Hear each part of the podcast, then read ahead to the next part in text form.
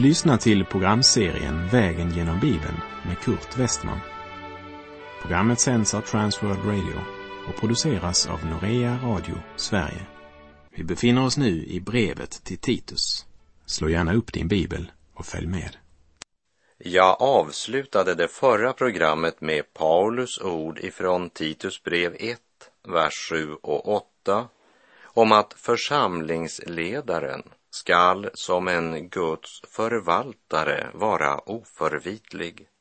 Han ska inte vara självgod, inte häftig, inte missbruka vin, inte vara våldsam eller girig, utan gästfri, godhjärtad och förståndig, pålitlig, gudfruktig och behärskad.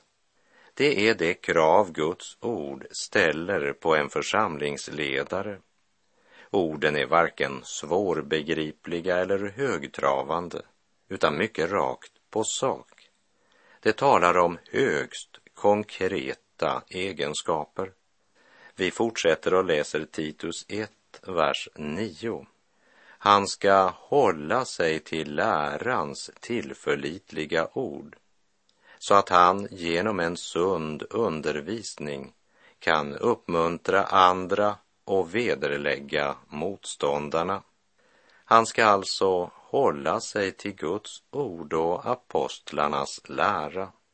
Han ska vara kunnig i Guds ord och kunna utlägga skriften så att församlingen förstår vad som blir sagt. Jag påminner om rådet som Paulus gav Timoteus i första Timoteusbrevet 5.22. Ha inte för bråttom med att lägga händerna på någon.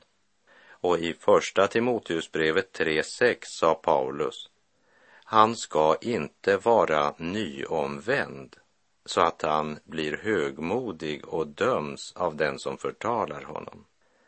Han kan alltså inte bli omvänd ena kvällen, avge sitt vittnesbörd andra kvällen och bli insatt som evangelist den tredje kvällen, för att så i slutet av månaden utses till församlingens pastor. Det är som om Paulus säger till Titus, se till broder, att du själv är förankrad i Guds ord och se till att den du insätter i denna tjänst också är förankrad i Guds ord. En sund undervisning uppmuntrar Guds barn. Det betyder inte att förkunnelsen inte ska innehålla även tuktan och förmaning. Men är den i överensstämmelse med Guds ord så blir synden dömd utan att syndaren föraktas. Församlingsledaren måste kunna skilja på dom och förakt. Gud dömer syndaren, men han föraktar aldrig någon. Gud ställer inte diagnosen för att beröva människan sin mänskliga värdighet, utan tvärtom för att ge henne tillbaka hennes värdighet genom att föra henne till omvändelse, upprättelse och förnyelse. Ingenting är mera uppmuntrande än den gudomliga upprättelsen. Församlingsföreståndaren ska hålla sig till lärans tillförlitliga ord så att han genom en sund undervisning kan uppmuntra andra och vederlägga motståndarna. Det kräver både kunskap, insikt, gudomlig uppenbarelse, mod och ödmjukhet för att kunna vederlägga falsk förkunnelse.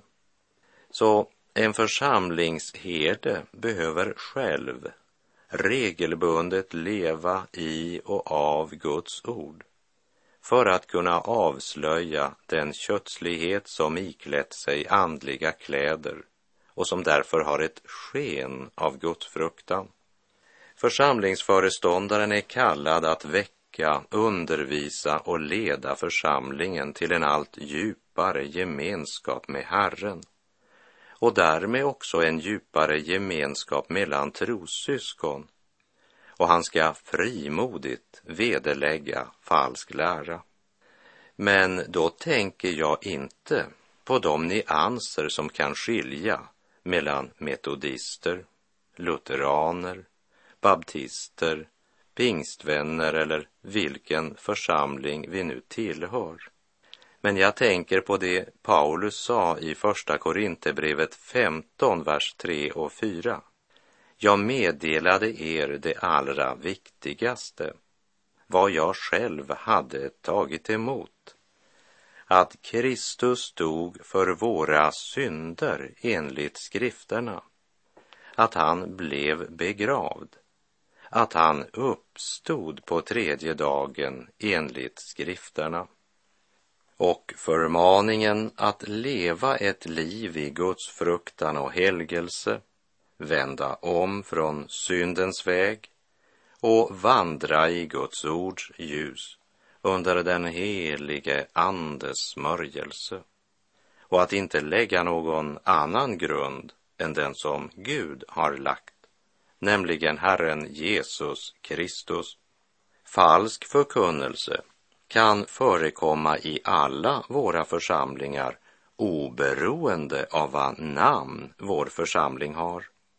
Den kommer bara under lite olika former beroende av var vår församling har sin största svaghet.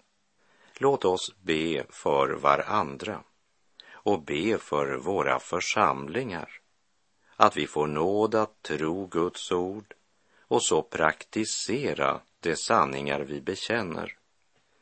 Vi läser Titus brev kapitel 1, vers 10 och 11. Ty särskilt bland de omskurna finns det många orostiftare, pratmakare och bedragare. Dem måste man tysta munnen på, för det vänder upp och ner på hela familjer genom att för egen vinning lära ut sådant som det inte borde. Det finns vissa kristna, kanske du känner någon, som kan säga så otroligt mycket utan att egentligen säga någonting. Det är inte det att de pratar mycket som är problemet. Problemet är att de inte säger något. De bara pratar. De kan vara irriterande, men egentligen inte så farliga. Farliga däremot, det är orostiftarna som förkunnar villolära. En blandning av sanning, egna tankar och smarta formuleringar. De håller på med det som aposteln kallar tomt prat. Skapar splittring i familjer, Via familjen så når splittringen till församlingen. När de för egen vinnings skull lär ut sådant som de inte borde. Nu ger Paulus order till Titus att han ska stoppa munnen till på sådana. Det är situationer då man inte ska diskutera med villolärare. Men det är också situationer då villolärarna måste avslöjas. Paulus räknar uppenbart med att Titus både vet vad han borde göra och har mod att göra det. Titus är ung, men han vet vem han tror på och han är förankrad i Guds ord. Låt oss be om att Herren reser upp många Titusgestalter i våra församlingar idag Aldrig har behovet varit större för klarhet i undervisningen och behovet efter herdar som har omsorg för församlingen.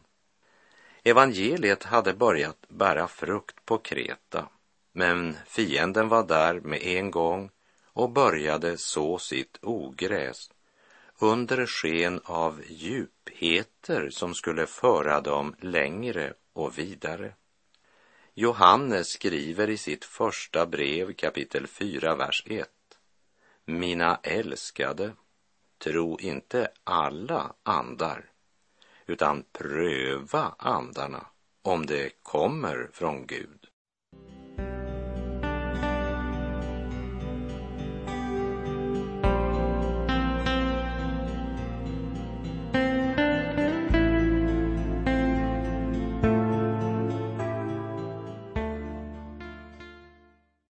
Vi läser i Titus brev kapitel 1, vers 12 till och med 14.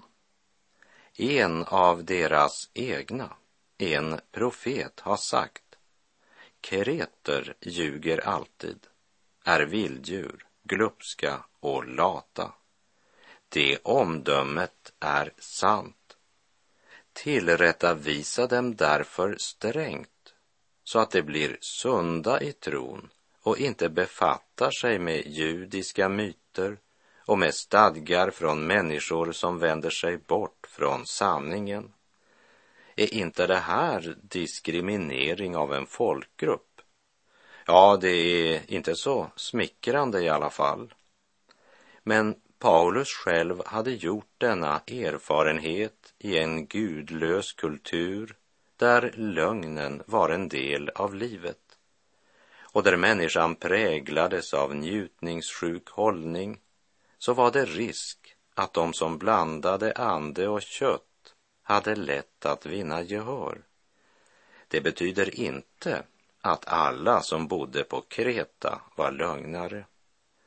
Men det var så lätt att bli påverkad i sina hållningar när man levde i en sådan miljö. Titus får besked att genast ta itu med detta på allvar på grund av kreternas speciella bakgrund. Med judiska myter siktar han sannolikt till gnostikernas alla spekulationer över den gammaltestamentliga historien. Och många som hade börjat så bra blev nu tydligen frestade att vara mera trogna mot mänskliga traditioner än mot Guds ord och den helige Andes gärning. Och här refererar Paulus inte bara till lagisk tro utan till alla mänskliga regler och tillägg som man gjorde till lagen. Hör vad Jesus säger i Markus 7, verserna 5 till och med 8. Fariseerna och de skriftlärda frågade honom varför följer inte dina lärjungar de äldstes stadgar utan äter med orena händer? Han svarade dem. Rätt profeterade Jesaja om er, ni hycklare. Hos Jesaja står det skrivet. Detta folk ärar mig med sina läppar, men deras hjärtan är långt ifrån mig. Förgäves dyrkar de mig, eftersom de läror de förkunnar är människobud. Ni upphäver Guds bud och håller er till människors stadgar. De var mera upptagna av alla sina regler och förbud än av att hjälpa människor att komma i personlig gemenskap med Gud. Jesus var det är varken försiktigt eller diplomatiskt. De utövar ett religiöst ritual utan någon verklig erfarenhet av vad det handlar om. Läpparna och hjärtat kunde lika gärna ha tillhört två olika personer. De hade inte mer av hjärtats erfarenhet än en trädocka på buktalarens knä. Folk engagerar sig idag i trosläror och trosbekännelser och offentlig tillbedjan, klär ut sig och till och med avskiljer sig för religionen. Men allt det här, det handlar mera om traditioner och inte om ett direkt och personligt förhållande till Kristus. De judiska traditionerna och människobuden var inte så upptagna av hjärtat, men mycket noga med att inte äta sådant som efter Mose lag var kallat för orent. Detta hade ju blivit en stridsfråga även i Korint. Därför skriver Paulus i Första Korinthierbrevet 8, vers 4. När det nu gäller frågan om man får äta kött som offrats åt avgudar så vet vi att det inte finns någon avgud i världen och att det finns bara en Gud. Frågan var tydligen aktuell också på Kreta. Vi läser Titus 1, vers 15. För det rena är allting rent, men för det orena, för dem som inte tror, är ingenting rent, utan hos dem är både förstånd och samvete orenade. Vers 15, det är en av de verser som missbrukats av människor som säger att om vi är frälsta av nåd, då spelar det ju ingen roll hur vi lever. För det rena så är allting rent. Men då rycker man versen ur sitt sammanhang. Och tillsammans med Titus 1.15 citerar man då också gärna halva vers 12 i Första Korinthierbrevet 6. Allt är tillåtet för mig, men allt är inte nyttigt. Allt är tillåtet för en kristen, men ingenting ska ha makt makten över mig.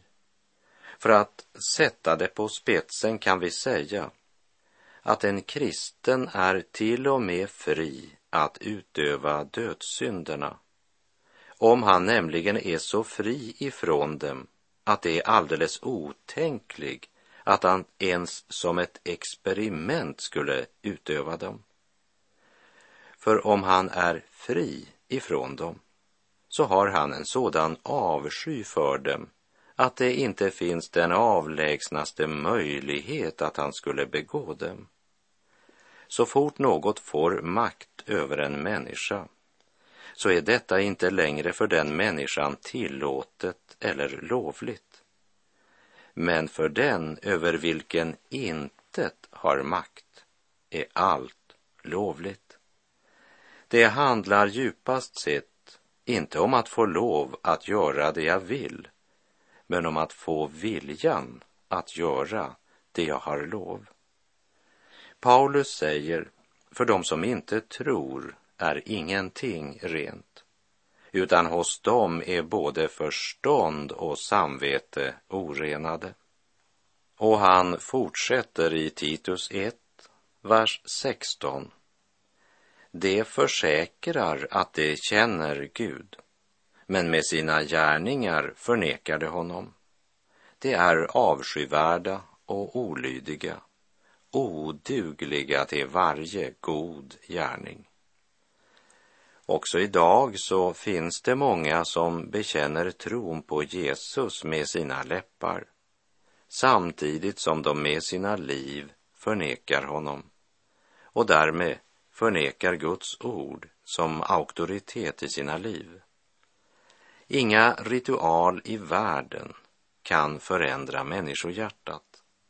Och det hjälper inte hur stor bibel man bär under armen och hur många fel man kan upptäcka i andras liv om man inte känner Gud.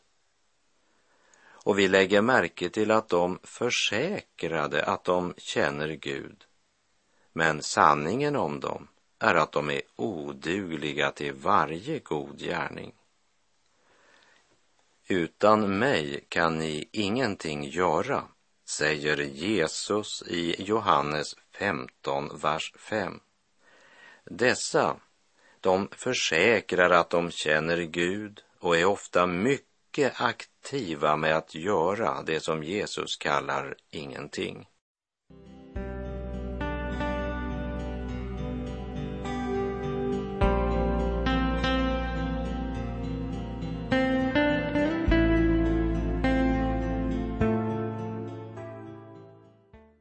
Det andra kapitlet i Titus brev talar om att Titus ska förmana och undervisa församlingsmedlemmarna i Guds ord.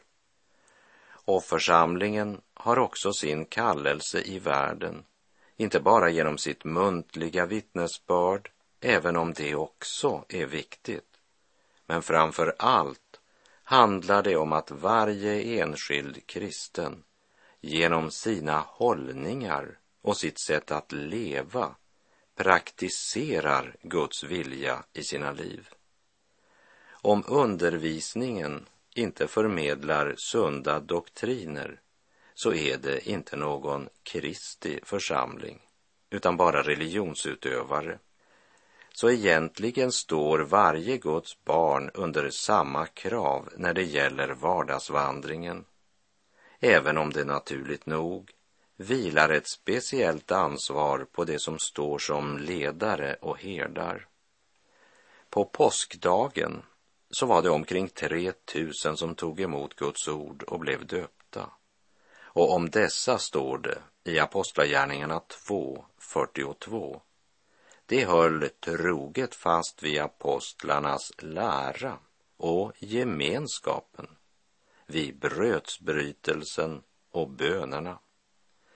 Det var alltså vad som kännetecknade de första kristna. Det spelar ingen roll hur hög klockstapel man har eller om man har någon alls. Eller hur utsmyckad kyrkolokalen är. Det avgörande är budskapet som ropas ut från talarstolen, vilket visar om det är en församling på ordets grund eller inte om den följer de anvisningar Guds ord ger genom aposteln. Titus skulle bekämpa villolära, vilket var mycket viktigt. Men det är viktigt att vi inte använder all vår tid och kraft till att bekämpa allt och alla. Det finns ju en del som tydligen känner det som sin kallelse att använda hela sin kraft till att bekämpa evangeliets fiender. Och visst är det viktigt, men eh, jag tror att vi behöver en balanserad tjänst som fokuserar mera på honom som är ljuset än att detaljbeskriva mörkret och vilolärorna. Spurgeon han sa så här om du ser en krokig käpp på vägen, försök inte att beskriva för andra hur krokig den är. Lägg en rak käpp vid sidan av så att de själva kan se. Vi läser Titus brev kapitel 2, vers 1. Men du skall tala i överensstämmelse med den sunda läran Apostlarnas lära var mycket viktig för de första kristna. Och i pastoralbreven så möter vi också något av det som utgör apostlarnas lära. Först av allt så hade Paulus något att säga angående de äldre i församlingen, både kvinnor och män. Vi läser Titus brev kapitel 2, vers 2. Äldre män ska uppträda nyktert, värdigt och behärskat och vara sunda i tro, kärlek och tålamod. I samsvar med den sunda läran ska de äldre männen uppträda nyktert och värdigt. Inte först och främst imponera på de yngre genom att försäkra att de känner Gud utan genom en balanserad hållning, genom att med sina liv vara levande exempel för de andra. Nyktert pekar nog också på deras förhållande till rusdrycker. Guds barn får sin stimulans från en annan källa än den som bedövar förståndet. Som Paulus skrev i Efeserbrevet 5.18. Berusa er inte med vin. Sådant leder till ett liv i laster. Låt er istället uppfyllas av anden. Den som låter sig uppfyllas av anden kommer också i sitt inre liv och sina yttre handlingar att bli präglade av Andens frukt, där kärleken är den första som räknas upp, som du kan se av Galaterbrevet 5.22 och följande. Den som låter sig fyllas av Anden blir sund i tro, kärlek och tålamod. Och här har framför allt de äldre männen ett ansvar eftersom de ska vara levande exempel för nästa generation, för barnen. De gör ju inte som vi säger, utan som vi gör. Vi läser Titus brev kapitel 2 och vers 3. Äldre kvinnor ska på samma sätt uppträda som det anstår det heliga. De skall inte sprida skvaller eller missbruka vin. De ska vara lärare i det som är gott. Om man sprider skvaller eller missbrukar vin så är man genom sitt liv en lärare för andra. De ska ju hjälpa andra unga kvinnor till att förverkliga ett fridfullt hem som hustru och mor. Och vi läser vidare i vers 4 och 5.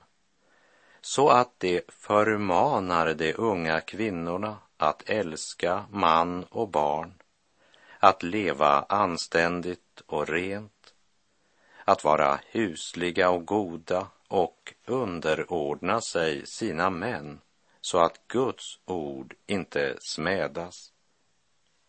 Jag vet att det är inte populärt att säga det idag, men en kvinnas första ansvar är hemmet. Och det krävs att det ansvaret tas på allvar av både mor och far. Läkaren Gordon Johnson har sagt, ett barn kan stortrivas i ett strängt miljö när det är konsekvent och motiveringen är präglad av värme trygghet och klarhet. Det är helt klart att barn önskar sig trygghet framför frihet. Vi lägger märke till att det första som sägs i denna förmaning i vers 4 och 5, det är ordet älska. Inte kravet om levnadsstandard. Och här har både unga och gamla, kvinnor och män ett vägmärke där kärleken till Gud får vara vårt livscentrum, där kan vi också hjälpa varandra att visa omsorg, också i vår tid, mitt i vår egen skröplighet, därför att Guds nåd är oss nog. Och med det är vår tid ute för den här gången, på återhörande om du vill. Ta väl vara på varje tillfälle ty dagarna är onda. Var därför inte oförståndiga utan förstå vad som är Herrens vilja, så att Guds ord inte smädas. Ingenting i livet är viktigare än att finna ut vad som är Herrens vilja och sedan handla efter den. Herren vare med dig, må hans välsignelse vila över dig. Gud är god. Du har lyssnat till programserien Vägen genom Bibeln med Kurt Westman som sänds av Transworld Radio. Programserien är producerad av Norea Radio Sverige. Om du önskar mer information om vårt radiomissionsarbete så skriv till Norea Radio Sverige, box 3419 103 68 Stockholm.